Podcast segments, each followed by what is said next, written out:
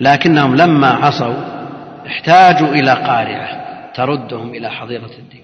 وما يصيب الإنسان من مصيبة إلا بما كسبت يداه. وهذا على مستوى الأفراد وعلى مستوى آه، الأمة. وهذا موجود ولله الحمد يعني الآثار المترتبة. نحن لا نرضى بهذه الحروب. نعم ولا نرضى بأن يستذل المسلمون. ولا نرضى أيضا بأن تنتهك أعراض المسلمين. ولا أن يقتل المسلمون لكن مع ذلك إذا وقع وليس لنا دور في هذا كله ننظر إلى العواقب ونرضى ونسلم باعتبار أنهم هم السبب. وإذا انعقدت الأسباب وانتفت الموانع حقت كلمة العذاب. ولم يستثنى على مر العصور وعلى الأمم كلها إلا قوم يونس إلا قوم يونس. وإلا إذا انعقدت الأسباب وتضافرت وانتفت الموانع فالسنن الإلهية جارية ولا راد لما قضى الله جل وعلا. ومع ذلك وعسى أن تكرهوا شيئا ويجعل الله فيه خيرا كثيرا. وليس معنى هذا أننا آه، تنشرح صدورنا لما يقع من ظلم على المسلمين من قبل أعدائهم لا. الإنسان أن يهتم لأمور المسلمين أن يهتم بأمور أن يعتصر قلبه الألم. والأسى والحزن حينما يرى إخوانه يقتلون ولا يستطيع أن يقدم لهم شيئا لا شك أن مثل هذا مطلوب شرعا. لكن الآثار المرجوة والأمل بالله جل وعلا أن تكون حميدة إن شاء الله تعالى. ولو شاء الله ما اقتتل. يعني هل هذا القتال والظلم الحاصل على المسلمين بغير مشيئة الله وإرادته؟ لا هو بمشيئته ولو شاء الله ما اقتتل. ولو شاء الله ما اقتتل. وليس معنى هذا أن الله جل وعلا أراد وشاء هذا الأمر أننا وجوده مثل عدم عندنا؟ لا. المسلمون كالجسد الواحد. إذا اشتكى منه عضو تداعى له سائر الجسد بالحمى والسهر. فلا شك أنه يأسى على إخوانه ويأسف ويندم. لكنه مع ذلك يرجو من الله جل وعلا أن تكون العواقب حميدة. ولكن الله يفعل ما يريد. نعم. إيش هي مثل مثل الإرادة مثل الإرادة. وقول أحلت لكم بهيمة الأنعام إلا ما يتلى عليكم غير محل الصيد وأنتم حرم إن الله يحكم ما يريد. فلا حكم إلا لله ولا حكم يخرج عن إرادة الله الشرعية. وقد يحكم بما لا يريده الله جل وعلا تبعا لإرادته الكونية. وقوله تعالى فمن يرد الله أن يهديه يشرح صدره للإسلام. فمن يرد الله أن يهديه يشرح صدره للإسلام. ومن يرد أن يضله يجعل صدره ضيقا حرجا كأنما يصعد في السماء. قد يقول قائل من الجبرية ما دام أن الله جل وعلا أراد لهذا الهداية وشرح صدره للإسلام وأراد للآخر الضلال وجعل صدره ضيقا حرجا كيف يعاقبه وكيف يحاسب. هناك شيء يقال له عدل وشيء يقال له فضل. هناك عدل الله جل وعلا بين للجميع على حد سواء. بين لجميع خلقه على حد سواء. ثم بعد ذلك تفضل على بعضهم بما تفضل به من قبول وإذعان وانشراح صدر وخلى بين الآخر وبين نفسه وحريته وإرادته. هل لو أن شخصا على سبيل المثال لو أن شخصا شيخ من الشيوخ قال مدح كتاب للطلاب مدحه لهم على مستوى واحد وكلهم يسمعون هذا الكلام. الكتاب الفلاني وبين محاسنه ومساويه ووازن بينه وبين غيره وحثهم على اقتنائه كلهم على حد سواء. يعني ما خص بعضهم بشيء دون شيء. ثم بعد ذلك لما انتهى من ذلك قال أنت يا فلان وأنت يا فلان عندي لكم نسخ من هذا الكتاب. وقال لقوم آخرين الكتاب موجود في المكتبة الفلانية. بينما بقية الطلاب ذهبوا إلى المكتبات من مكتبة إلى مكتبة يبحثون عنه. يعني هل ظلم هؤلاء؟ نعم. ما ظلموا بين لهم. نعم. لكنه تفضل على قوم آخرين نعم بأن أهدى بعضهم نسخ وبعضهم دله على المكان لكنه على حد سواء هداهم ودلهم على قيمة هذا الكتاب. وهذا مثال تقريبي لأن المسألة شائكة. المسألة شائكة وفي محلها إن شاء الله تعالى تفصل بإذن الله تعالى. فمن يريد الله أن يهديه يشرح صدره للإسلام. يشرح صدره للإسلام. ومن يرد أن يضله يجعل صدره ضيقا حرجا. مجموعة من الناس في مكان واحد كلهم سمعوا الأذان على حد سواء. وهم يعرفون ما ورد في وجوب الصلاة وأنها ركن من أركان الإسلام ويعرفون ما جاء في, سم... في صلاة الجماعة وكلهم يعرفون النصوص الواردة في المبادرة إلى الصلاة والصف الأول وتكبيرة الإحرام. كلهم يعرفون هذا. ثم لما سمعوا الأذان بمجرد سماعه قام جماعة من هؤلاء. وبعضهم في أثناء مدة ما بين الأذان والإقامة وبعضهم لما سمع الإقامة وبعضهم لما صلى الإمام ركعة أو ركعتين هل يستوون؟ نعم. هل هل يمكن أن يقول من فاتته الصلاة أن والله ما أراد الله لي أني أدرك الصلاة؟ هل له حجة في هذا؟ ليس له حجة في هذا. لكن الأول شرح الله صدره للإسلام نعم فبادر. والناس يتفاوتون. في مزاولة أعمالهم الدينية. منهم يتلذذ ومنهم من يأتي العبادة وهي عليه شاقة. منهم من يتثاقل ومنهم لا يقوم إلى الصلاة إلا وهو كسلان. وهذا وصف المنافقين. وإذا قاموا إلى الصلاة قاموا كسالى فلا شك أن الله جل وعلا يشرح صدور بعض الناس للإسلام ولشرائع الإسلام وبعضهم يضيق بهذا العن وما ربك بظلام للعبيد. البيان حصل للجميع. ولا فيه أحد يقول والله أردت القيام للصلاة وعجزت. ما حملت لي رجلي. رجلاه ما تحملانه إلى المسجد. نقول أنت معذور لا تصلي قائما. اركب أو صلي في مكانك. أنت معذور لكن هل يعذر عن الصلاة وهو قادر عليها؟ يقول الله ما قدرت أروح أصلي. فالقدرة على الفعل والاستطاعة موجودة. والبيان حاصل. المقصود أن مثل هذا ليس فيه حجة لمن يرى الجبر وأن في قوله جل وعلا وإذا قاموا إلى الصلاة قاموا كسالى في وصف المنافقين. فهل معنى هذا أن كل من اتصف بهذا الوصف منافق؟ نعم. ولا يذكرون الله إلا قليلا. هل نقول أن الذي يجد من نفسه الكسل حتى على مستوى طلاب العلم يسمعون الأذان ويتثاقلون. وقد يكون بعضهم في فراشه ولا ينهض إلى الصلاة إلا في وقت متأخر. وبعضهم لا تجود نفسه بالذهاب إلى الصلاة إلا إذا سمع الإقامة. هل معنى هذا أنه منافق؟ وما الفرق بين مثل هذا وبين المنافق؟ هو دأبها الكسر. حتى هذا طالب العلم هذا دأبه الكسر. مع الأسف أن, أن في شيء من الانفصام بين العلم وبين العمل في العصور المتأخرة. قبل ذلك قد لا في العصور المتقدمة لا تجد عالم إلا يقرن علمه بالعمل. الآن العلم لما كان وسيلة للكسب تخلف عنه العمل في بعض الأحوال. لأنه يحصل به المقصود من الوظيفة والباقي عدد أمره إليه. هذا الذي يقوم إلى الصلاة وهو كسلان. وقل مثله في الوصف الثاني لا يذكر الله إلا قليلا.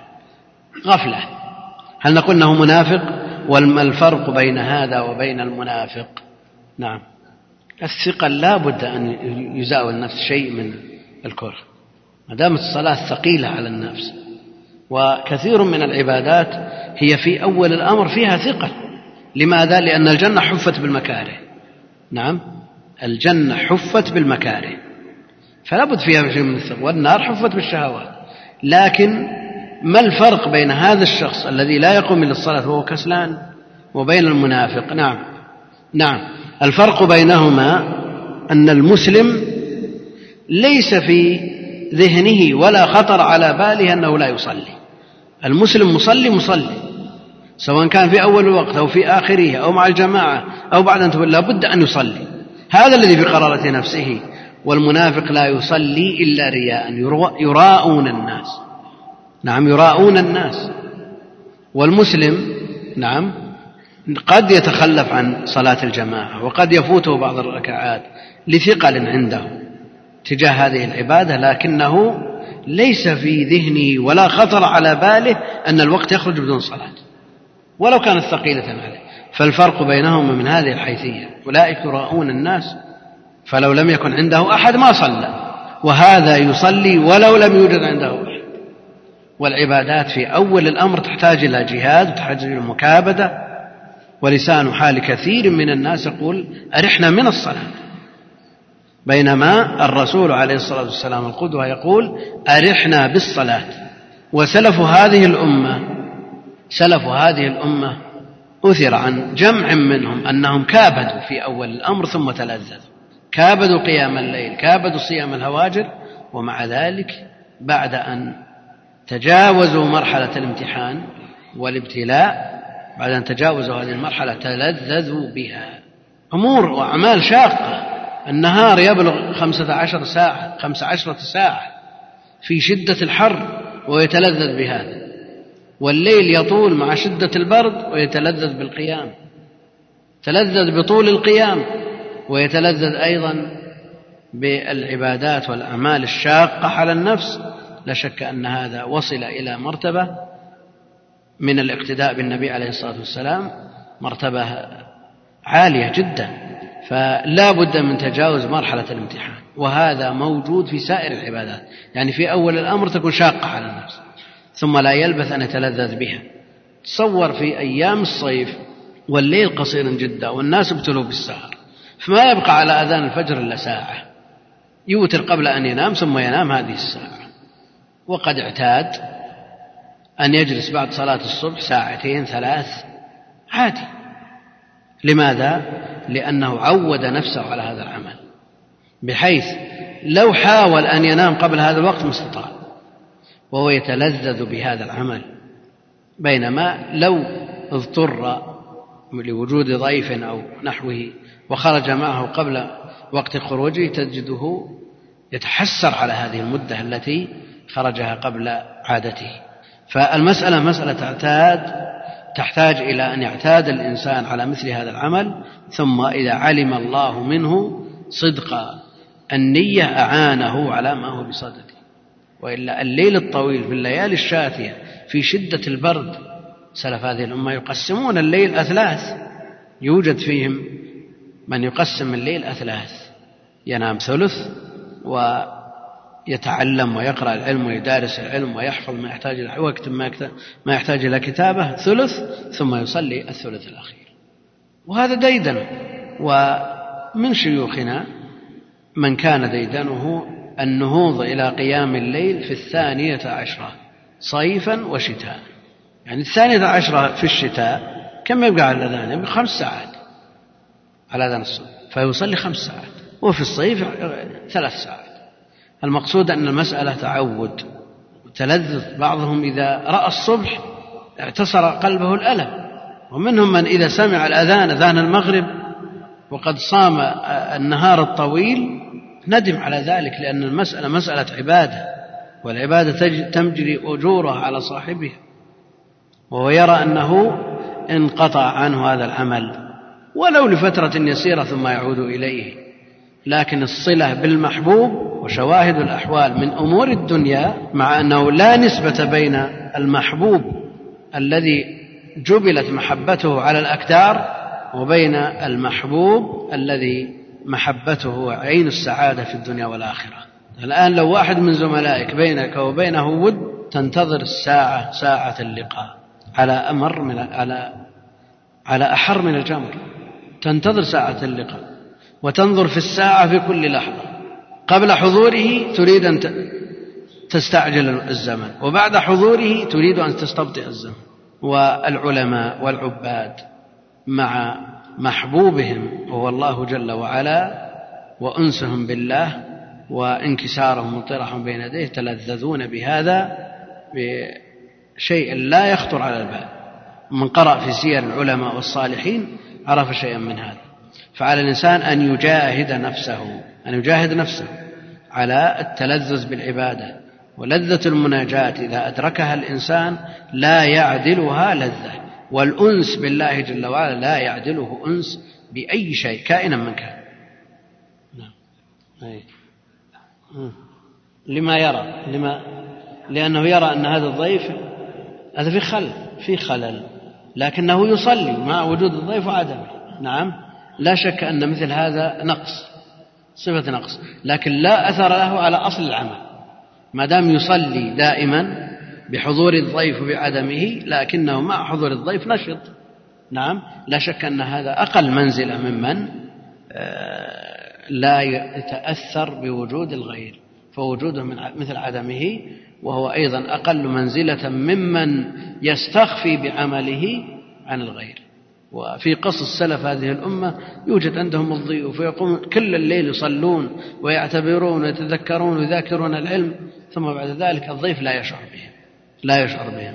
وإخفاء العبادة لا شك أنه أقرب إلى الإخلاص لكن قد يترتب على إظهار العبادة من الفوائد أكثر مما يترتب على الإخفاء. ولذا جاء مدح الإنفاق سرا وعلانية وأيضا مثل هذا إذا كان ممن يقتدى به. وينظر إليه باعتباره قدوة للناس لو أظهر عمله بهذه النية كان أفضل له. نعم. يتعود على عبادة الله تبارك وتعالى أو أن تصبح العبادة عادة. له لا بد أن يستحضر لا بد أن يستحضر ويستشعر هذه العبادة وأنه ساع فيما يرضي الله جل وعلا. أما كونه يذهب ويروح ويجي من غير نية هذا ما هو لا أجره أجره ضعيف. لكن قد يقول قائل أن الإنسان من عادته التأخير ولا يخرج إلى الصلاة إلا مع الإقامة ولا يريد أن يراه الناس يقضي ركعة فاتت أو في طرف الصف أو ينظر إليه أنه اعتاد هذا الأمر فتجده يحث الخطى من أجل أن يدرك هذه الركعة لئلا يراه الناس يقضي ما فاته. لا شك أن هذا فيه خدش. خدش في الإخلاص لأنه رأى الناس بهذا العمل وكونه مقدم على هذا العمل بحيث يجزم على فعله ولا يتردد فيه سواء رآه الناس أو لم يروه فعمله لله جل وعلا. لكن قد يخدش فيه ما يلحظه من رؤية الناس إليه وازدرائهم له. إيه معروف المذاهب في المشيئة والإرادة تأتي إن شاء الله. المشيئة والإرادة تحتاج إلى دروس. نعم تفضل. تفضل. من هذه الحيثية الشبه موجود. لكن الفرق في كون هذا في كون هذا لا بد أن يصلي.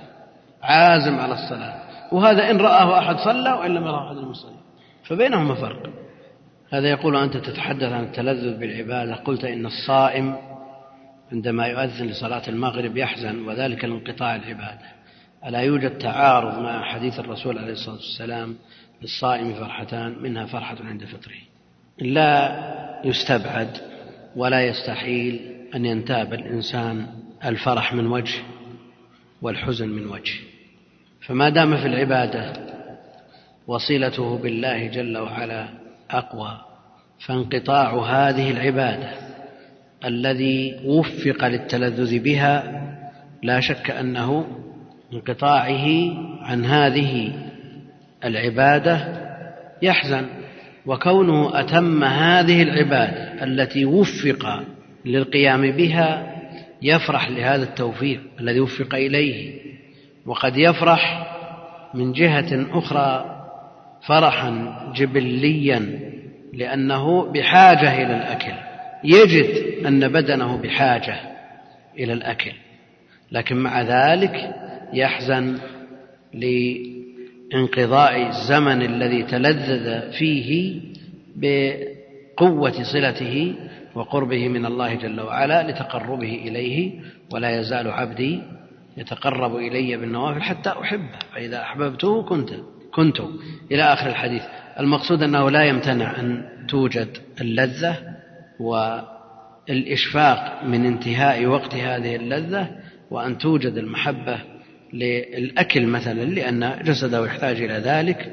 وأيضا الفرحة التي تغمره حينما وفق لصيام هذا اليوم بكماله.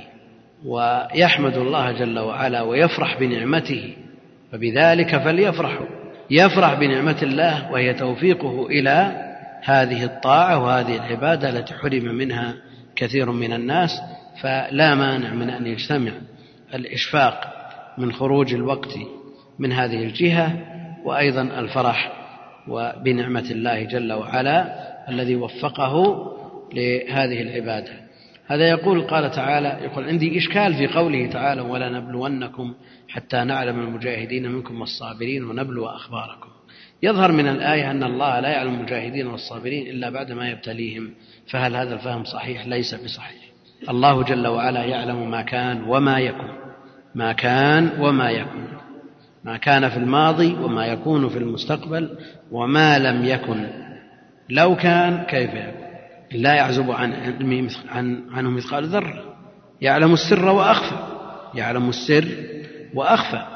فكيف لا يعلم المجاهد من غيره ولا يعلم الصابر من غير الصابر؟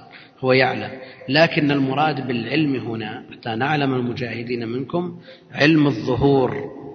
علم الظهور. في علم الله جل وعلا لا يخفى عليه خافية لكن في علم الظهور بأن يوجد في المشاهدة ويبرز هذا المعلوم إلى آه، عالم الشهود. فيعرف من نفسه ما حصل المجاهد يعلم من يعلم من نفسه ما حصل وغيره يعلم منه ما حصل. وأما بالنسبة لعلم الله جل وعلا فهو عالم بما كان وما لم يكن. ولذا احتيج المو... لذا قيل ب... وجد الميزان. يعني في الامتحانات يوجد اختبارات وتصحيح لاكتشاف منازل الطلاب ومقدار تحصيلهم. لماذا؟ لأنه يخفى على الأساتذة ويخفى على الجهة آه، مستويات الطلاب. لا يعلمون مستوياتهم إلا بهذه الموازين التي وضعوها.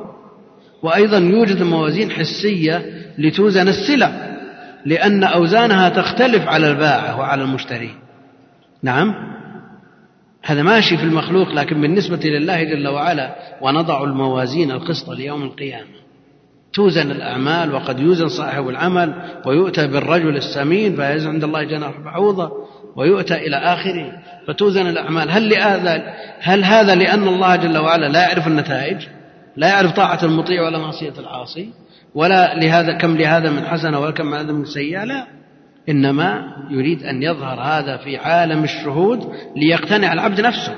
لأنه لولا هذه الموازين التي يراها بعيون بعينيه يراها المحاسب بعينه ويرى أن هذه الكفة رجحت وهذه الكفة خفت. نعم. يمكن أن يحتج. لئلا يكون للناس على الله حجة. وإلا يعلم بعد.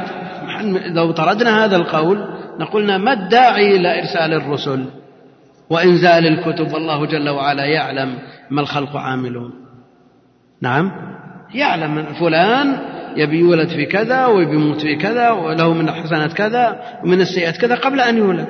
وكتب عليه نصيبه من السعادة والشقاوة قبل أن يولد. وكتب له رزقه. ولو قلنا بهذا القول لعارضنا القدر. لكن لكي لا يكون للناس على الله حجة أوجد الموازين. وطلب الأعمال وأنزل الكتب وأرسل الرسل كل من هذا من أجل أن تظهر هذه الأمور لعالم الشهود ولا أثر لذلك في علم الله جل وعلا.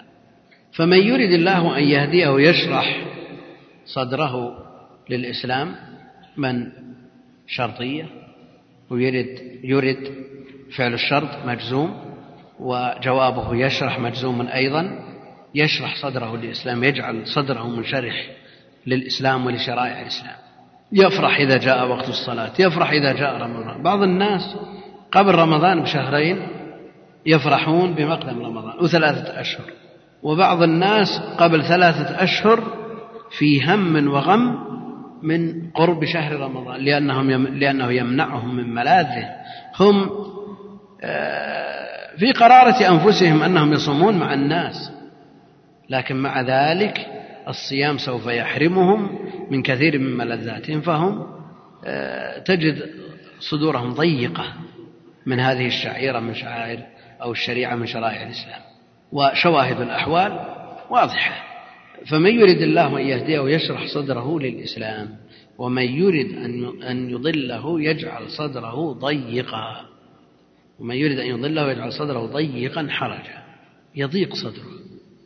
إذا سمع المؤذن أصيب بثقل وخمول وعلى ما يقولون كتمة في الصدر وسوء في الخلق ومن يريد أن يضله يجعل صدره ضيقا حرجا. لكن إن وجد مع هذا الضيق امتثال اختلف حكمه عن حكم من إذا وجد من نفسه هذا الضيق وهذا الحرج عدم امتثال وعدم فعل بالكلية.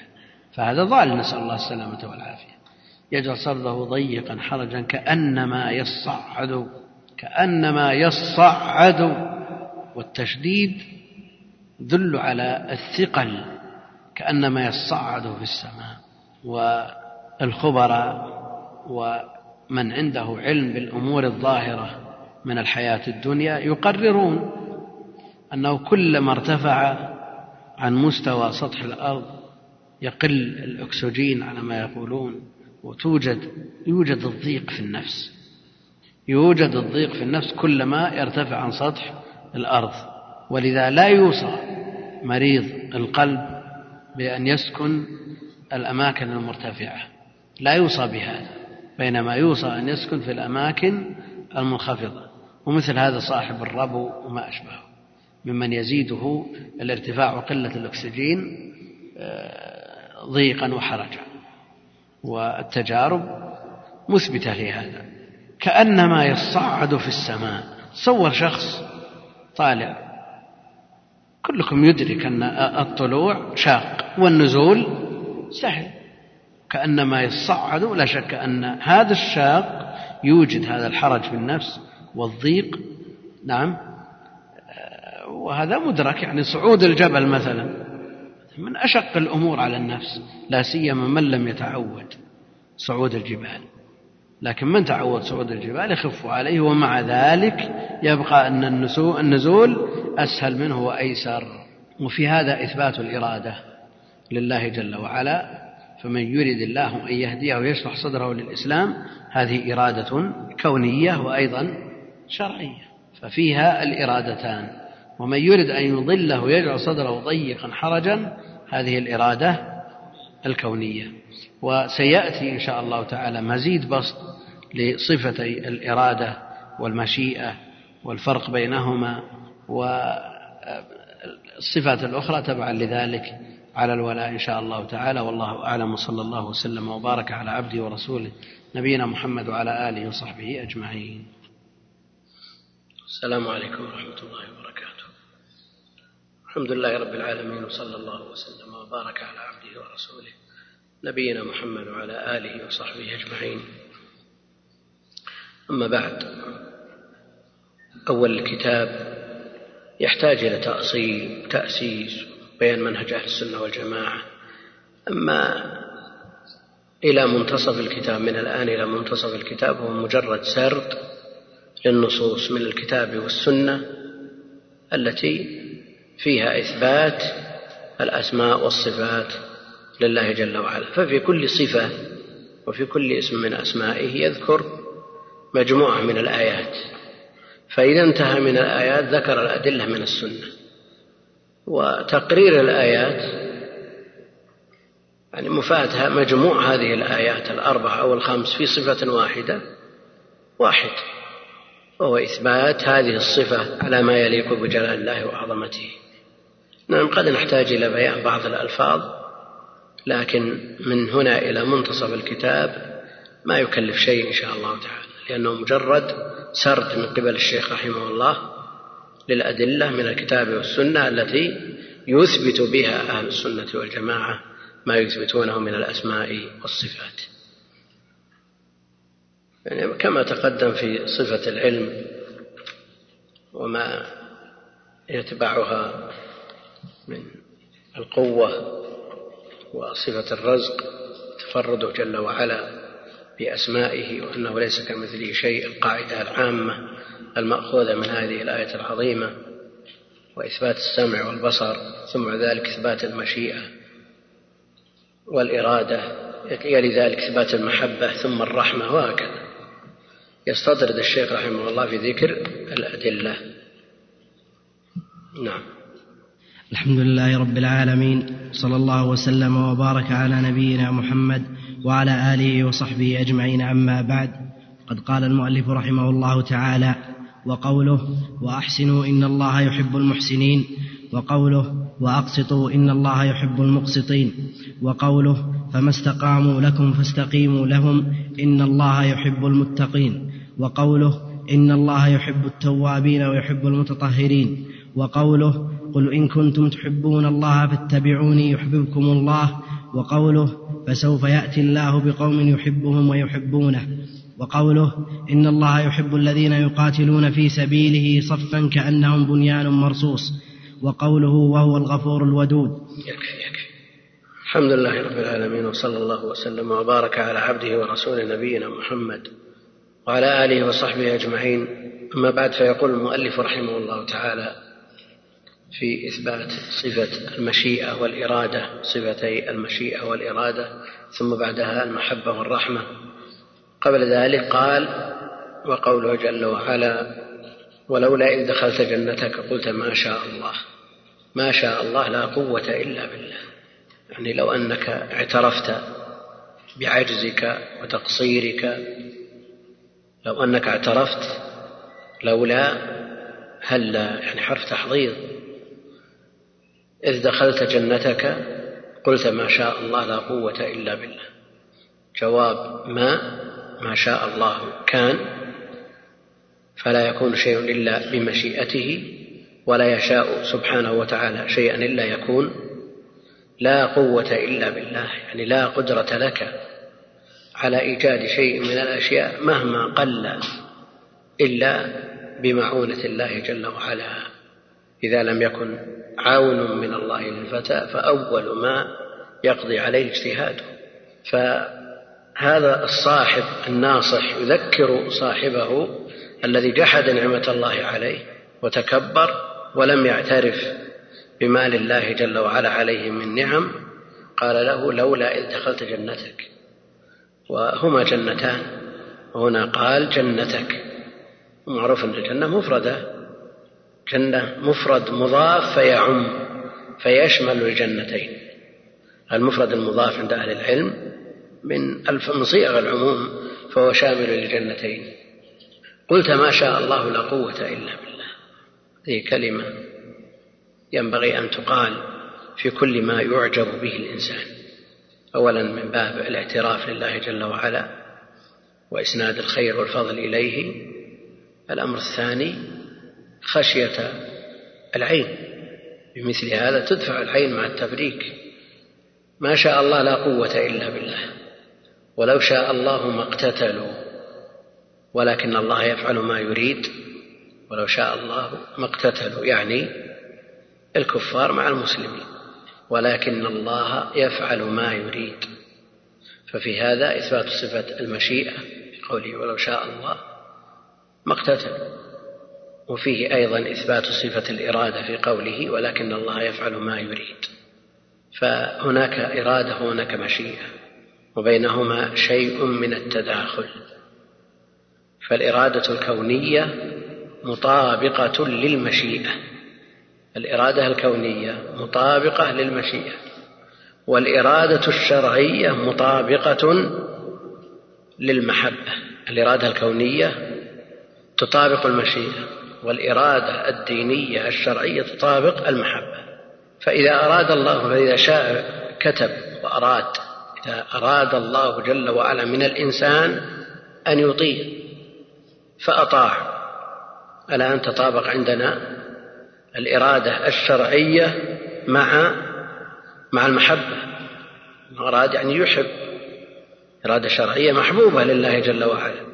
لكن هذه الإرادة الشرعية قد يقع مقتضاها وقد لا يقع. لأن الله أراد من العباد أن يعبدوه فمنهم من امتثل ومنهم من لم يمتثل. فمن امتثل صدقت عليه الإرادة الشرعية وهي محبوبة لله جل وعلا. ومن لم يمتثل ولم يعبد الله جل وعلا فيه المشيئة والإرادة الكونية وهي غير محبوبة لله جل وعلا. قد يقول قائل لماذا يشاء الله شيئا وهو لا يحبه. ويريد كونا أن يقع هذا فيقع لأن المشيئة والإرادة الكونية لا بد من تحققها. وفيها المحبوب وفيها غير المحبوب. كيف يشاء الله جل وعلا شيء ولا يريده إرادة شرعية ولا يحبه؟ لحكمة اقتضت ذلك. لحكمة اقتضت ذلك لأن الله جل وعلا كتب السعادة والشقاوة على الإنسان وهو في بطن أمه. وكل هذا ابتلاء وامتحان. منهم المطيع ومنهم العاصي. وما ربك بظلام للعبيد. وما ربك بظلام للعبيد. فالإرادتان عن الشرعية والقدرية الكونية تجتمعان في مثل إيمان المؤمن وطاعة المطيع. أراد منه كونا أن يطيع وأراد منه شرعا أن يطيع ووقعت هذه الإرادة. إيمان المؤمن وطاعة المطيع. تنفرد الكونية الإرادة الكونية في كفر الكافر ومعصية العاصي. أراد الله جل وعلا كونا وقدرا أن يكفر الكافر وأراد من العاصي أن يعصي لكن ما أراد منه شرعا أن يكفر لأنه أمره بالإيمان وأمره بالطاعة. تنفرد الشرعية في مثل إيمان الكافر وطاعة العاصي. كيف؟ الآن إذا كانت الإرادتان تجتمعان في إيمان المؤمن وطاعة المطيع هذا ظاهر لأن الله شاء أن يؤمن وأراد منه كونا أن يؤمن فآمن. وأراد منه أن يطيع فأطاع. فاجتمعت وأحب ذلك منه فامتثل فاجتمعت الإرادتان اجتمعت الإرادتان. الكونية تنفرد في كفر الكافر. شاء الله له أن يكفر شاء له أن يعصي فعصى شاء له أن يكفر فكفر شاء له أن يعصي فعصى.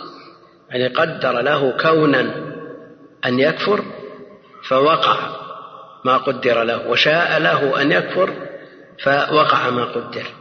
لكن هل هذا محبوب عند الله جل وعلا؟ لا. ليس بمحبوب ولذا المشيئة والإرادة الكونية لا بد من تحققها. تحقق مقتضاها لكنها قد تكون محبوبة فيما يجتمعان فيه مع مع الشرعية وقد تكون مكروهة.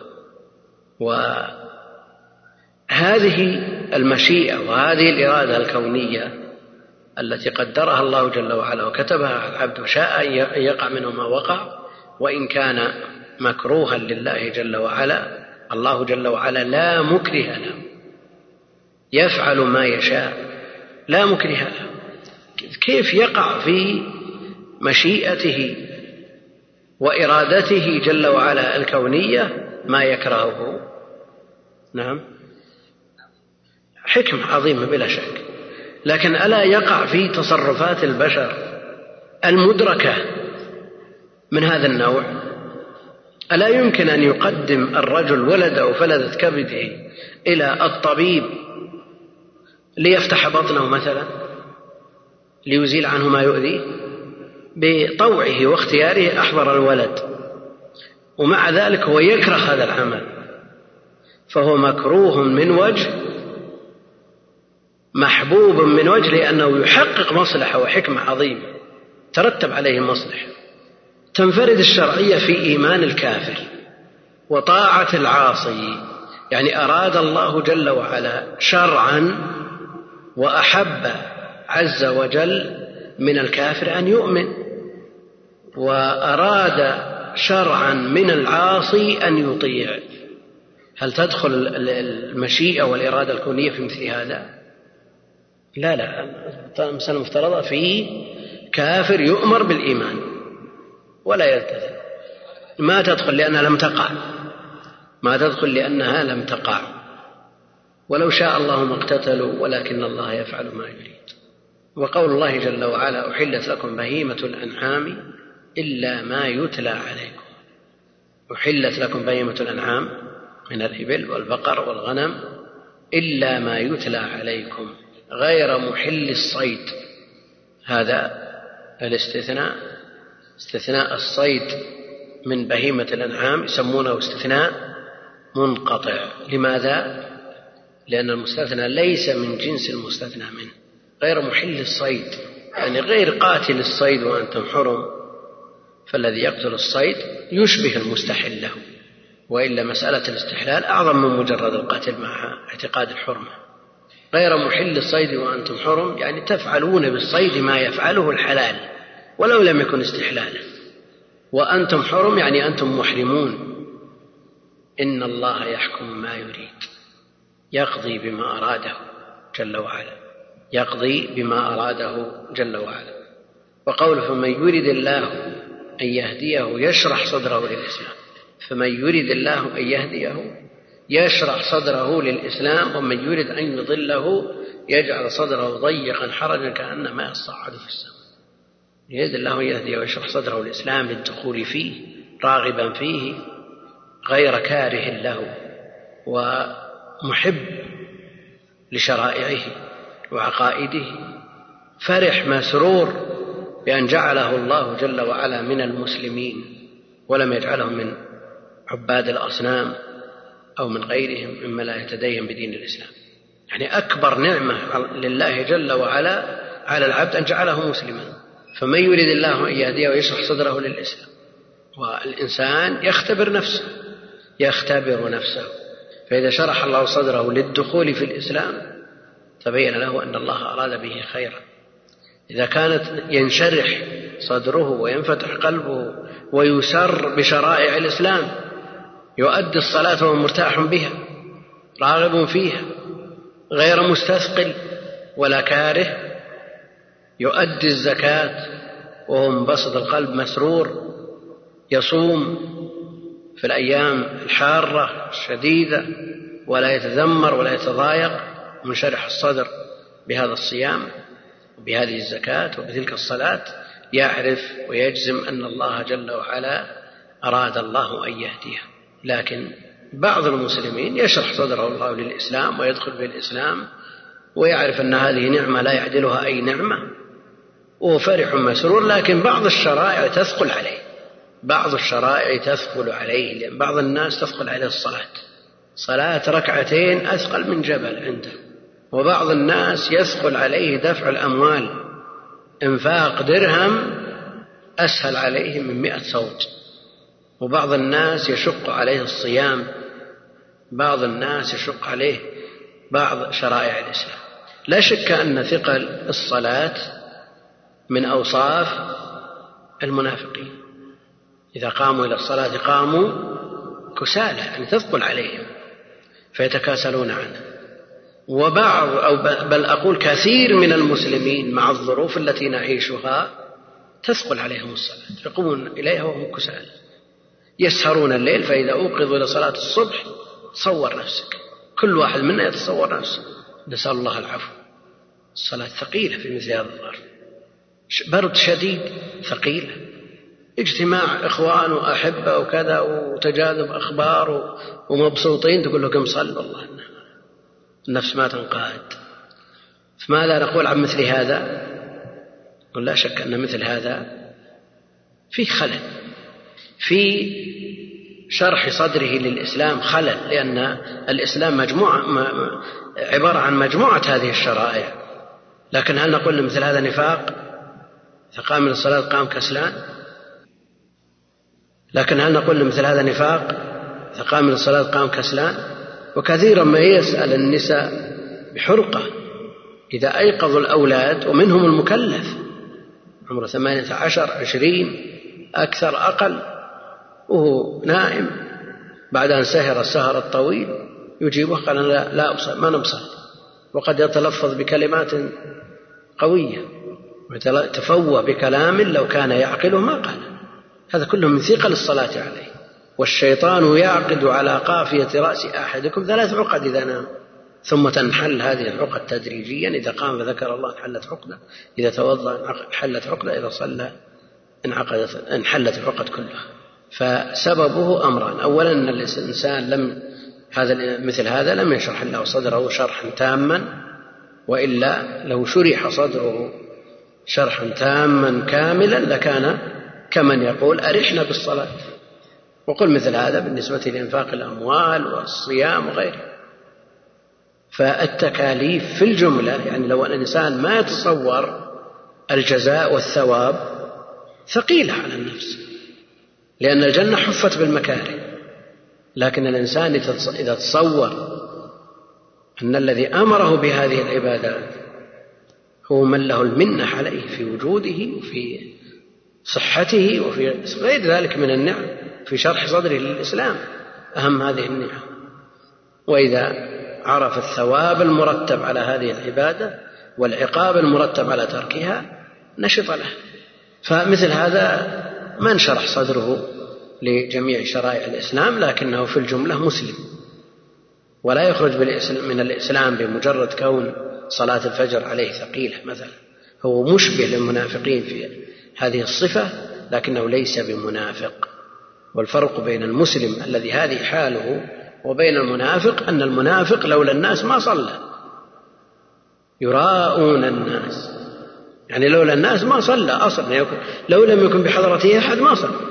لكن المسلم مع هذا الثقل ومع هذا الكسل يصلي لو لم يكن بحضرته أحد. وهذا هو الفرق بين النوعين. فمن يريد الله أن يهديه ويشرح صدره للإسلام من شرطية يريد فعل الشرط ملزوم ويشرح جوابه. وفي الحديث الصحيح الصحيحين من حديث معاوية من يريد الله به خيرا يفقهه في الدين. عندنا من يريد الله أن يهديه ويشرح صدر صدره للإسلام ومن يريد أن يضله أن يضله يجعل صدره ضيقا حرجا كأنما يصعد في السماء. هنا تقابل بين الهداية وبين الإضلال تقابل تام بينهما. لكن في الحديث من يريد الله به خيرا يفقهه في الدين التقابل بين الخير وأيضا والشر. نعم. الحديث الحديث الحديث الصحيحين. الآن تقابل بين الهداية والإضلال واضح ومنصوص عليه لكن ما الذي يقابل الهداية في الحديث؟ من يريد الله به خيرا من الذي يقابل الخير في الحديث؟ من يريد الله به خيرا يفقهه في الدين. هل نقول أن المقابل الشر؟ فالذي لا يتفقه في الدين أراد الله به شرا أو نقول أن الله لم يرد له خير من هذه الحيثية من حيث التقصير في جانب العلم لكن أراد الله به خيرات من جهات أخرى. فلا نقول أن الله أراد به شرا. واضح الكلام ولا مو وإثبات الإرادة في الآية والحديث لا إشكال فيه. ثابتة صفة الإرادة لله جل وعلا من الآية والحديث.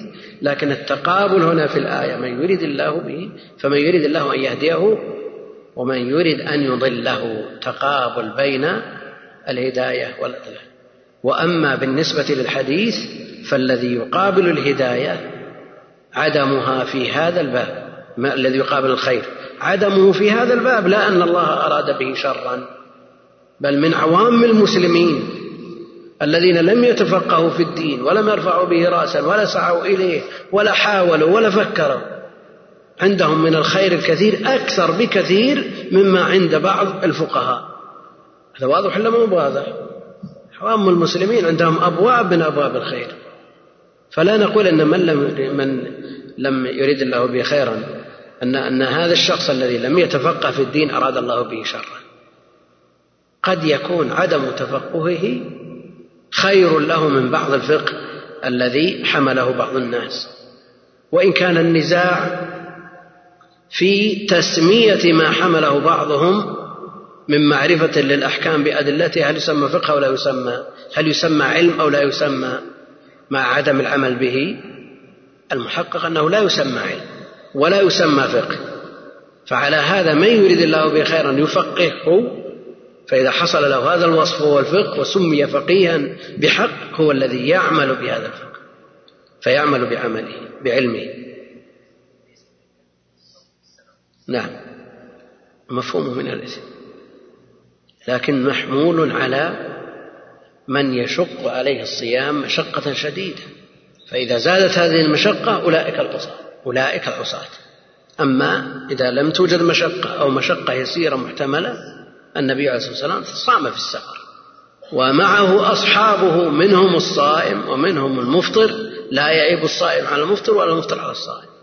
فالصوم في السفر أحيانا يكون أرجح من الفطر وأحيانا يكون مساويا له وأحيانا يكون مرجوحا وأحيانا يأثم الصائم إذا شق عليه مشقة شديدة. في الحديث الصحيح أولئك العصاة في صحيح مسلم. فمن يريد الله أن يهديه ويشرح صدره للإسلام ومن يريد أن يضله ويجعل صدره ضيقا حرجا كما كأنما يصعد في السماء عندك من باب المقابلة في قول الله جل وعلا أجعلتم سقاية الحاج وعمارة المسجد الحرام كمن آمن. هذا تقابل بين العمارة الحسية وعدم الإيمان. فيه نسبة شخص يشيد مسجده وما يصلي يقول أنا يكفيني أني عمرت إنما يعمر مساجد الله من آمن بالله واليوم الآخر يقول أنا عمرت مسجد لأن أنا مؤمن. هذا كلام مو صحيح. ولذا تقابلت عمارة المسجد الحرام بترك الإيمان. لكن لو اجتمعت العمارة مع الإيمان عمارة مسجد أو مسجد الحرام عمره مؤمن من أفضل الأعمال. فننظر إلى التقابل بما يحتف به. فمن يريد الله أن يهديه ويشرح صدره للإسلام يوسع صدره ويجعله يدخل منشرح الصدر ومن يريد أن يضله ويجعل صدره ضيقا حرجا يجعل صدره ضيقا. وضيق الصدر وانشراحه. أمران معروفان محسوسان للمتعلم وغير المتعلم. وتجد بعض الناس أبسط ما يكون يكون شد صدر أشرح ما يكون صدرا إذا كان صائما. وبعض الناس يضيق ذرعا بالصيام وتضيق به الأرض ما رحبت إذا صام. وشتان. شتان إن سعيكم لشتى. هذا هذا لا شك أن الله جل وعلا أراد به أراد الله هدايته وذاك الذي ضاق صدره بالصيام أو بالصلاة أو بالزكاة أو بغيرها شرح الله صدره للإسلام بالجملة لكن هذا الشرح ناقص. ومن يرد أن يضله والإضلال في مقابل الهداية. يجعل صدره ضيقا حرجا كأنما يصعد في السماء. يصعد. قيل يصعد لأن الصعود محتمل. وقد يصعد الإنسان وهو يضحك. هناك ما يصعد وهو سهل لكن يصعد. مع صعوبة ومشقة شديدة وضيق في النفس وضيق في التنفس. ثم بعد ذلك أثبتوا أنه كلما ارتفع الإنسان قل الأكسجين فيضيق النفس وتنحشر النفس كلما يضيق يصعد. فوق ولذا يوصون آه، مريض القلب أن لا يسكن في الأماكن المرتفعة لا يسكن الجبال إنما يسكن السهول كأنما يصعد في السماء والبلاغة في التشديد يصعد. في السماء يعني في جهة العلو. هذا ما يتعلق بالمشيئة والإرادة وأما ما يتعلق بالمحبة فتبدأ من قوله وأحسنوا إن الله يحب المحسنين. نعم. يعني عقوبة المخالف يعني العقوبات. هي لكن وش اللي حصل بعد ظهوره ظهور الفساد؟ هل هو بالمعاصي نفسها؟ أو ما ترتب على هذه المعاصي؟ ظهر الفساد في البر والبحر بسبب ما كسبت أيديهم من المعاصي. فالفساد هو العقوبة الحاصلة بسبب هذه المعاصي. وهذه عقوبات معجلة والعقوبة العاجلة أسهل من عقوبة الآخرة وفائدتها كما في قوله جل وعلا لعلهم يرجعون. يعني إذا كان الإنسان عاصي ثم يصاب بمرض يكون سببا لرجوعه وانكساره بين يدي الله جل وعلا صار منحة. لكن لو كان عاصيا ومسرفا على نفسه والله جل وعلا يزيده من النعم. ولا يرجع ولا يرعوي هذا استدراج. فيكون المرض خير لمثل هذا.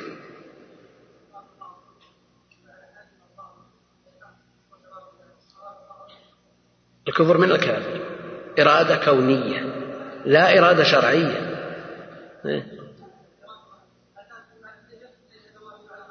لا لا ما أدري لا. ما أدري.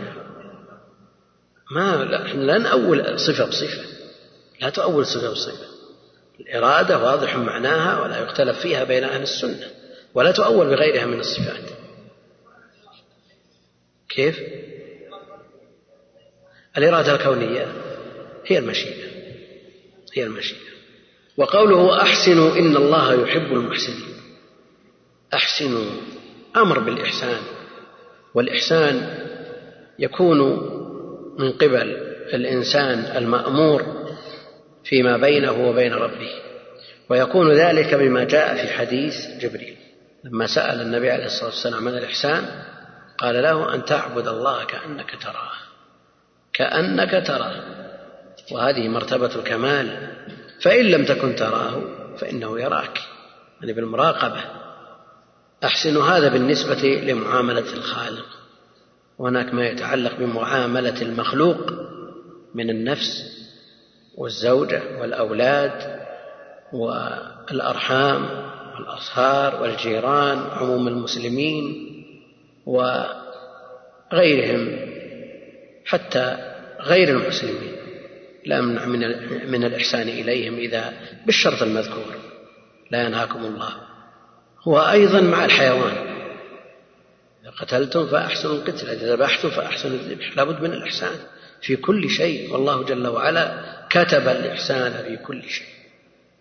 وأحسنوا إن الله يحب المحسنين. يحب يحب المحسنين. صفة المحبة صفة المحبة. ثابتة لله جل وعلا على ما يليق بجلاله وعظمته. ونفاها المعتزلة.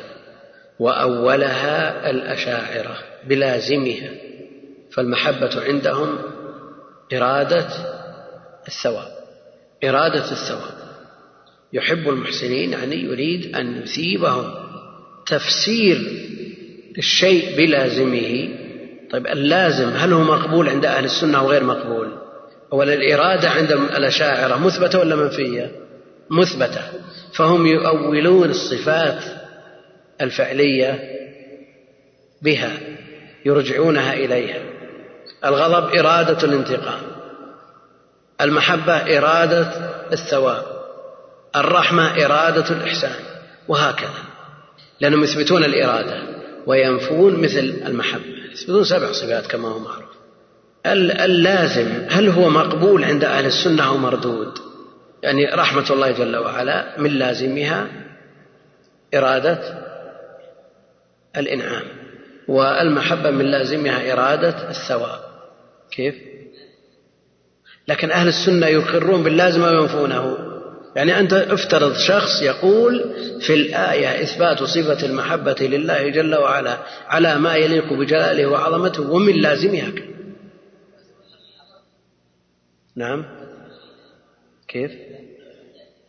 لكن افترض عندنا مثلا كثير ما يقول شراح الحديث في قوله عليه الصلاة والسلام والذي نفسي بيده. يقولون روحي في تصرفه هذا التأويل مقبول ولا غير مقبول؟ خلنا في حديثنا والذي نفسي بيده. قال روحي في تصرفه. مقبول ولا غير مقبول؟ أو ننظر في القائل. إن كان ممن يثبت اليد لله جل وعلا. إثباتا حقيقيا على ما يليق بجلاله وعظمته. لا الكلام صحيح. ما في أحد روحه ما ليست في تصرف الله جل وعلا. اللازم حق فهو مقبول لكن ممن؟ ممن يثبت الصفة لا ممن ينفي الصفة بإثبات اللازم. لا ممن ينفي يفر من إثبات الصفة ويثبت اللازم لا. لكن إذا أثبت الصفة وعرفنا أن هذا الشخص ممن يثبت اليد لله جل وعلا وقال روحي بتصرفه؟ كان كلام صحيح. لكن الإشكال ممن يفر من إثبات الصفة إلى إثبات اللازم. كما تفعل الأشعرية وأحسنوا إن الله يحب المحسنين. وأقسطوا إن الله يحب المقسطين. أقسط الفعل الرباعي عندنا المادة فيها الفعل الثلاثي وفيها الفعل الرباعي. قسط فهو قاسط قاسط. وأقسط فهو مقسط. الفرق بينهما يعني الله جل وعلا يحب المقسطين. أي وش الفرق بينهما؟ نعم. والإقساط العدل. لأنهم يقولون الهمزة هذه همزة السلب. عندنا المقسطين يحبهم الله جل وعلا. والمقسطون على منابر من نور. وهم الذين يعدلون في كل شيء. هؤلاء هم المقسطون وهم في الآخرة على منابر من نور. والله جل وعلا يحبهم. وأما القاسطون فكانوا لجهنم حطبا نسأل الله السلامة والعافية. وأقسطوا أمر بالعدل. إن الله يحب المقسطين يحب العادلين لكنه لا يحب القاسطين الذين يجورون في أحكامهم. وأما المقسطون الذين يعدلون في أحكامهم فإن الله جل وعلا يحبهم وهم في الآخرة على منابر من نور. نعم. هو يفسر باللازم. يفسر باللازم اللي يفر من من إثبات الصفة. كما قال في المحبة. المحبة وما يثبت محبة لله جل وعلا لأنها تقتضي النقص عنده. اي رد قول. إذا كان عرف بالتأويل ويفر من تأويل من إثبات الصفة إلى لازمها نرد قول. ونرميه بالبدعة. بلا شك. كيف؟ معروف المنهج عموما يعني لو جاءك هذا بكلام شيخ الإسلام ابن القيم والذي نفسي بيده روحي في تصرف إيش تقول؟ وأنت تعرف إنه يثبت اليد لله جل وعلا على ما يليق بجلاله تقول فر شيخ الإسلام. نعرف إنه يثبت اليد.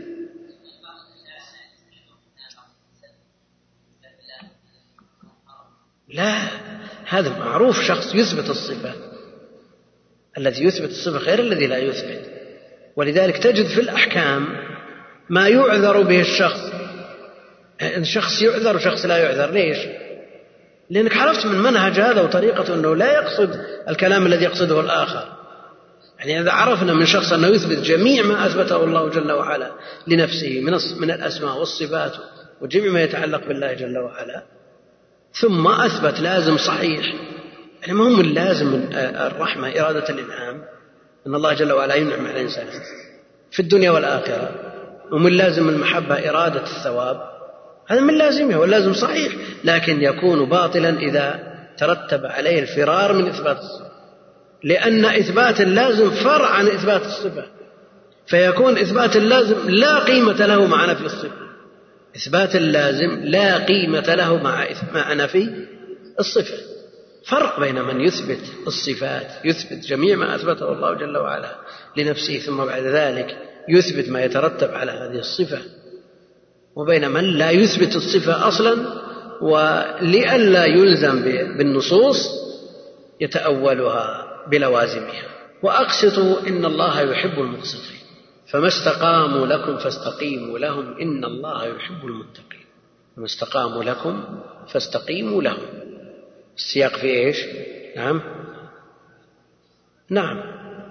في التعامل مع المعاهدين والمستأمنين وأهل الذمة وغيرهم. ممن يجوز له البقاء على دينه. ممن آه، كان معاهدا أو ذميا يدفع الجزية أو مستأمنا يدخل بلاد المسلمين لتجارة ونحوها. ولا يستقر. فهذا متى استقام؟ نستقيم. ثم استقاموا لكم فاستقيموا لهم. وهذا من التقوى لأن الله جل وعلا يقول في آخر الآية إن الله يحب المتقين. والمتقي هو الذي يجعل بينه وبين عذاب الله وقاية. بفعل المأمور الذي منه فاستقيموا له. وإذا كان هذا في معاملة غير المسلمين ففي معاملة المسلمين من باب أولى. من باب أولى. إن الله يحب المتقين. إن الله يحب التوابين ويحب المتطهرين يحب التوابين. تواب صيغة مبالغة فعال. من التوبة تواب. من التوبة. مبالغة يعني يتوب مرارا. تتكرر منه التوبة حتى يستحق صفة المبالغة. لكن أيهم أفضل التواب ولا التائب؟ تواب ولا التائب؟ من أسماء الله جل وعلا تواب لأنه يقبل توبة التائبين وهم كثر فصفة المبالغة هنا لها وجه لكن التواب بالنسبة للعبيد أفضل أو التائب؟ ليش؟ إيه نعم ما يتكرر منه ما يقتضي التوبة. لأن التوبة تحتاج إلى مقتضي وهو الذنب. فإذا كثر منه الذنب أذنب ألف ذنب وتاب ألف توبة هذا صار تواب لكن أذنب ذنب واحد وتاب توبة واحد صار تائب. أيهما أفضل؟ الذي تكررت منه الذنوب فتاب منها أو الذي أذنب ذنب واحد فتاب منه؟ لا شك أن أن من لم يقارف الذنوب أكمل وأفضل ممن يقارفها فإذا كان يحب التوابين فهو يحب التائبين. يحب التائبين. نأتي إلى مسألة التوبة. توبة تهدم ما كان قبلها وإذا تمت بشروطها أبدلت السيئات. نعم حسنات لأن عندنا صيغة مبالغة تواب. والذي يكثر من الذنوب أذنب ألف ذنب وتاب ألف توبة يستحق أن يوصف بأنه تواب. هذا الألف الذنب التي هذه الذنوب الألف التي تاب منها بدلت حسنات. فهل نقول أن الذي ما عصى إلا مرة واحدة ثم تاب وبدلت هذه المعصية حسنة؟ مثل الذي أذنب ألف ذنب وتاب منها وبدلت ألف حسنة؟ إيش يقول؟ لكن يتمنى أنه أذنب بدل, بدل الحسنات بدل الطاعات. يعني نفترض شخصين كلاهما عاش سبعين سنة ثم قبضت روحه. أحدهما عاش في الطاعة خلال سبعين سنة. ولا يقال أنه معصوم تقع منه الهفوة والزلة. لكن ما يقال أيضا أنه مقترف للجرائم والكبائر والموبقات مثل الثاني. لكن الثاني قبيل وفاته تاب. تاب وأصلح وعمل عمل صالح. هل تاب توبة نصوح مقبولة وبدلت سيئات وحسنات. هل نقول هما واحد؟ نعم. لا. لماذا؟ حسنات المطيع مضاعفة والحسنات المبدلة عن السيئات لها حكم البدل غير مضاعفة غير مضاعفة. وإن كان في كلام شيخ الإسلام ما يدل على أنها أيضا تضاعف لكن العدل الإلهي يقتضي أن هذا أميز من هذا. شاب نشأ في طاعة الله هذه من صفات المدح. يقول المؤلف رحمه الله تعالى قوله إن الله يحب التوابين ويحب المتطهرين. ففي هذا إثبات صفة المحبة لله جل وعلا لمن اتصف بهذين الوصفين الطهارة الباطنة بالتوبة والطهارة الظاهرة برفع الأحداث وإزالة الأخباث. إن الله يحب التوابين ويحب المتطهرين. هذا نص قطعي في القرآن. فهل يقال بعد الفراغ من الوضوء مع الذكر المشروع أو لا يقال؟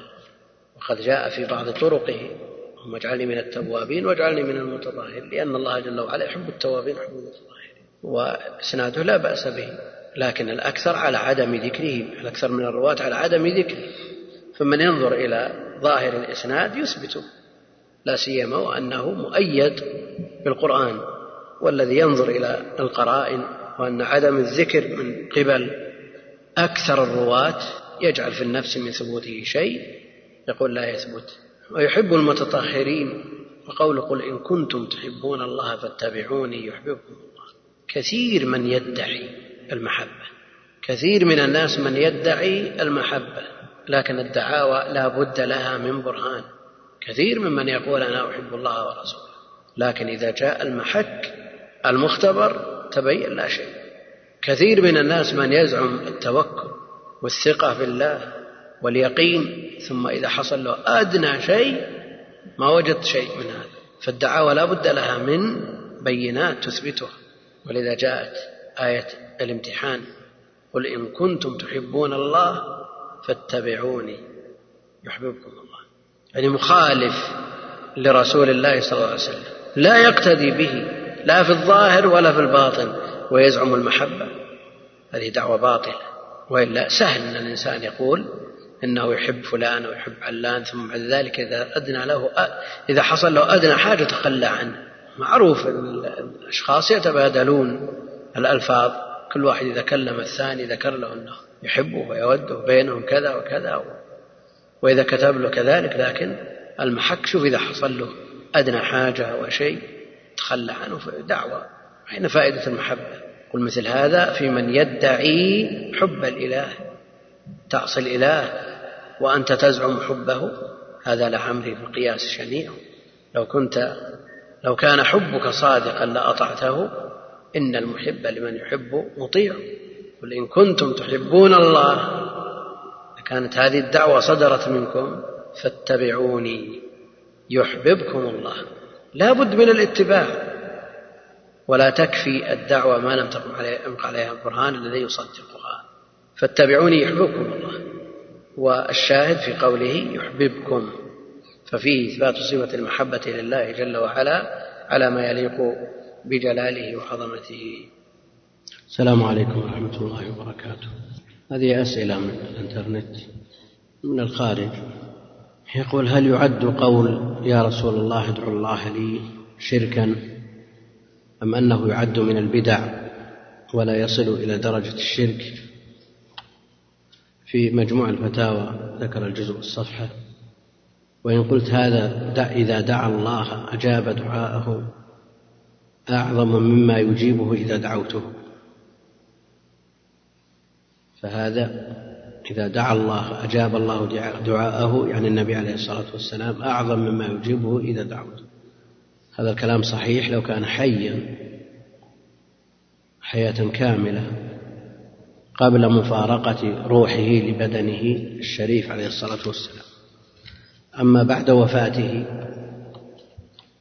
وإن كان حيا حياة أكمل من حياة الشهداء إلا أنها تختلف عن حياة من روحه بين جنبيه.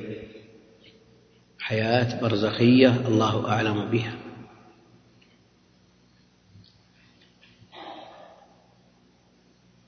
يقول فهذا هو القسم الثاني وهو لا تطلب منه الفعل لا نطلب منه الفعل ولا ندعوه ولكن تطلب أن يدعو لك كما تقول الحي ادعو لي. نعم هذا في حياته عليه الصلاة والسلام. أما بعد وفاته فلا. وكان الصحابة رضوان الله عليهم يستسقون به يطلبون دعاءه في الاستسقاء. فلما مات عليه الصلاة والسلام لم يذهبوا إلى قبره وإنما ذهبوا إلى عمه العباس. لأنه حي قادر أن يدعو الله جل وعلا.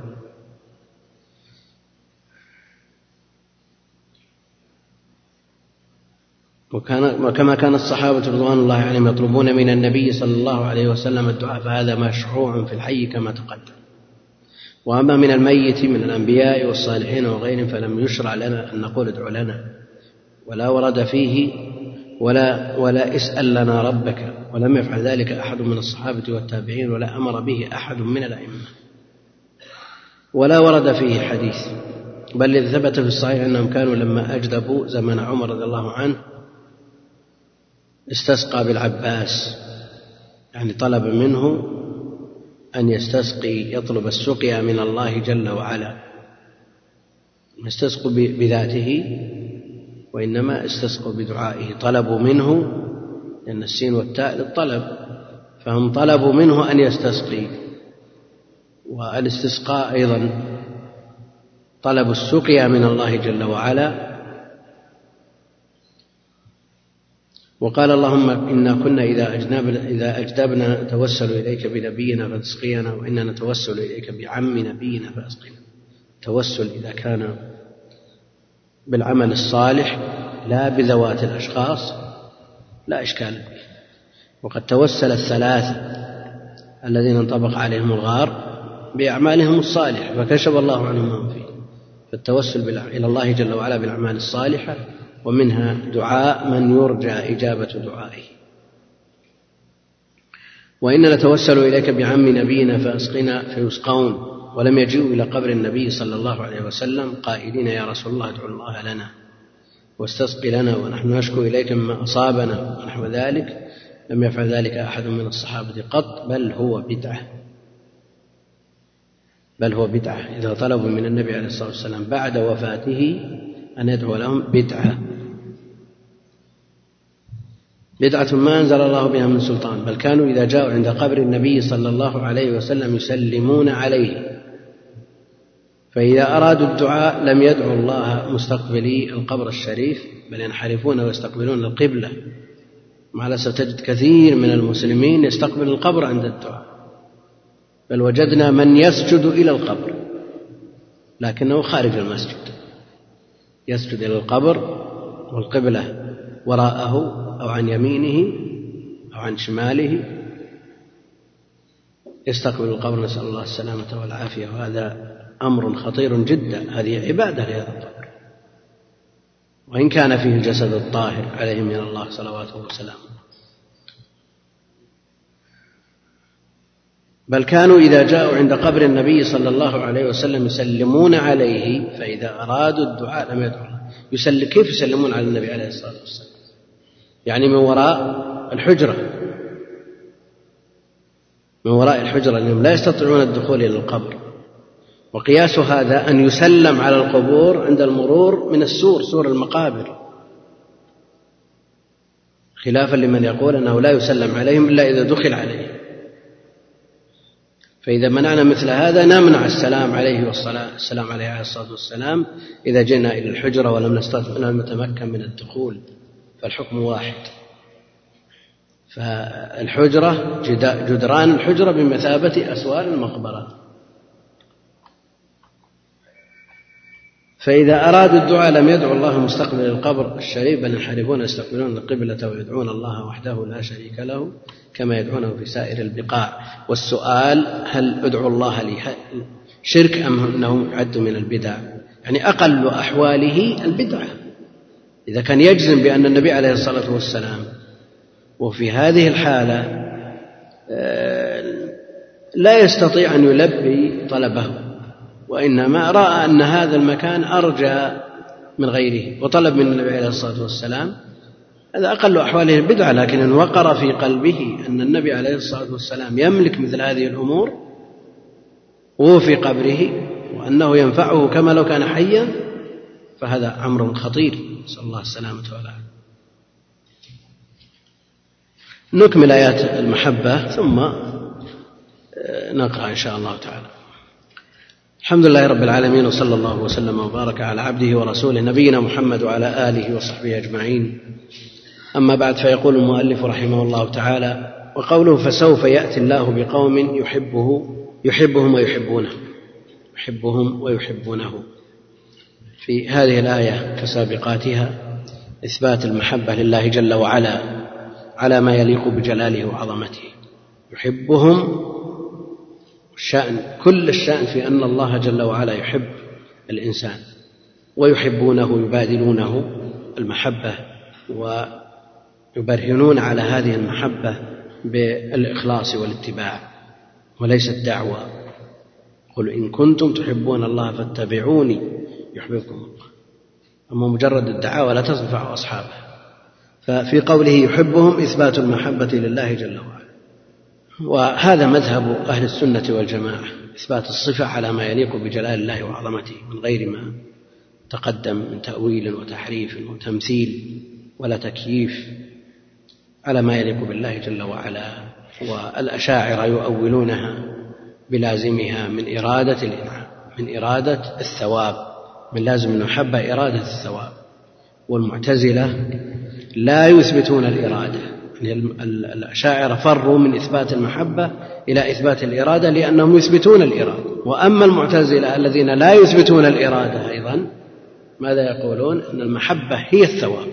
المحبة هي الثواب.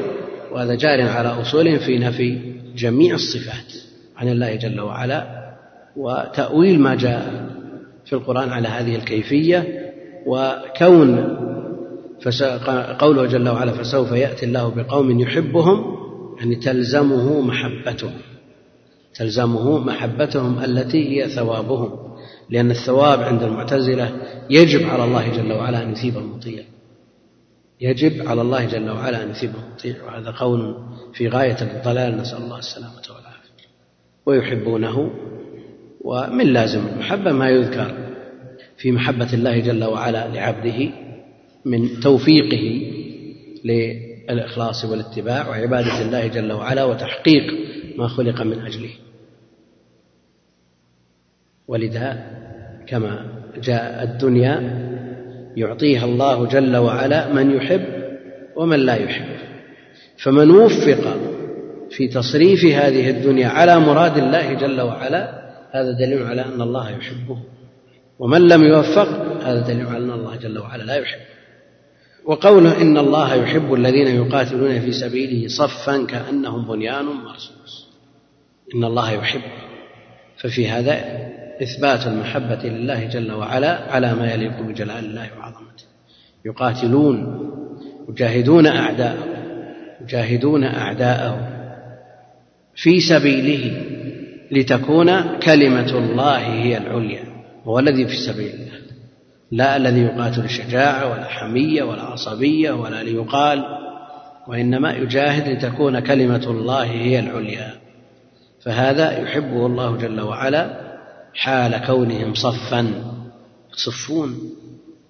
يريدوا يرون العدو اتحادهم اتحاد كلمتهم ولا يكونوا مشتتين مبعثرين إنما يكونون صفا واحدا. كأنهم بنيان مرصوص. من شدة الالتصاق والتلاحم بينهم الظاهري الذي يدل على التلاحم الباطني لا شك أن التصرفات الظاهرة لها دلالاتها على الصفات الباطنة. فإذا تلاحم الناس والتصق بعضهم ببعض دل على أن قلوبهم متقاربة بخلاف ما إذا تنافر. مثال ذلك في الصلاة مثلا. يعني كونك تقرب إلى أخيك وتلتصق به دليل على أنك ما بينك وبينه نفرة ولا شيء. لكن كونك تبعد عنه دل على أنك إما أنك تكرهه كراهية حسية أو معنوية. لماذا أبعدت عنه؟ إما لأنك تكرهه كراهية حسية لأنه ينبعث منه روائح ينبعث منه شيء. فالنفرة موجودة على كل حال مع وجود هذه الفجوات. نعم قد يوجد من الناس من لديه حساسية من شدة الالتصاق وما يقبل أحد أن يقرب منه خلقة. يعني بعض الناس تفاوتوا بعض الناس ما يبي تلمس رجله أبدا أبدا. مثل هذا له وضعه وله ظرفه لكن الإشكال فيما يدل على النفرة الذي له ما لا لا سبب له حسي. بعض الناس ما يقبل الالتصاق به لما ينبعث منه من روائح كأنهم بنيان مرصوص وجاء في وصف المؤمنين بأنهم كالبنيان يشد بعضه بعضا فهذا في عموم الأحوال فكيف بالحال التي يطلب فيها التلاحم والتراص مثل الصلاة ومثل الجهاد؟ فهذا من باب أولى. وقوله جل وعلا وهو الغفور فعول صيغة مبالغة تدل على تكرار المغفرة والمغفرة الستر ستر الذنوب ممن أتى بها غفور الساتر للذنوب. ودود فعول من الود وهو خالص المحبة. خالص المحبة. في هذا في هذه الآية إثبات اسم الغفور والودود لله جل وعلا. ومن يؤخذ من من الأسماء صفات. يؤخذ من الأسماء صفات. فصفة المغفرة ثابتة لله جل وعلا. لما جاء فيها مما يخصها ومن إثبات اسمه الغفور وكذلك صفة الود والمحبة ثابتة لله جل وعلا من هذه الآية وغيرها. وقوله بسم الله الرحمن الرحيم تقدم الكلام على البسملة في أول شرح الكتاب يقول هل ورد حديث لا يفضي أحدكم ببشرته إلى بشرة أخيه؟ لا أولا لا أعرف هذا الحديث لكن النصوص تدل على خلافه. النصوص تدل على خلافه وأن الصحابة كان كانوا آه، يلصقون الأقدام بالأقدام.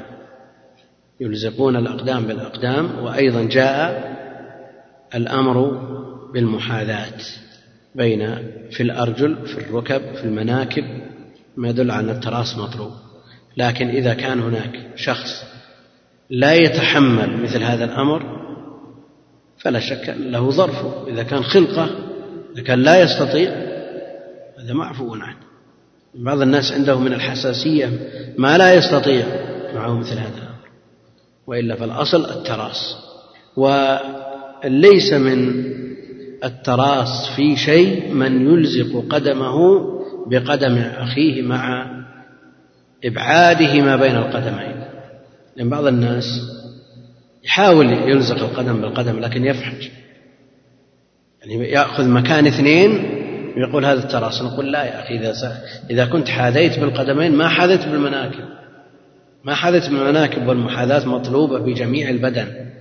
والنصوص تدل على أن المصلي لا بد أن يكون مكانه بقدره من أوله إلى آخره بقدره. أما أن يبعد ما بين القدمين ويأخذ مكان اثنين أو ثلاثة يقول هذه المحاذاة أبدا. هذا ليس بصحيح. فالمحاذاة لا بد أن يكون مكان الإنسان بقدره بجميع بدنه. وقول بسم الله الرحمن الرحيم في هذا إثبات الأسماء الثلاثة الله والرحمن والرحيم. وإثبات الصفات المأخوذة من هذه الأسماء الألوهية والرحمة. الألوهية والرحمة. فالله جل وعلا هو الإله المعبود بحق المعبود بحق. والرحمن فيه صفة الرحمة التي سبق الحديث عنها في البسملة ولا يجوز تأويلها. فيه إثبات صفة الرحمة لله جل وعلا على ما يليق بجلاله وعظمته خلافا لمن يد لما يدعيه المبتدعة من تأويلها بإرادة الإنعام أو هي الثواب نفسه عند المعتزلة كما يقولون بوجوبه على الله جل وعلا. والرحمن رحمن الدنيا والآخرة ورحيمهما. قالوا الرحمن أبلغ من الرحيم. الرحمن أبلغ من الرحيم. ويتناول أكثر ما يتناوله الرحيم.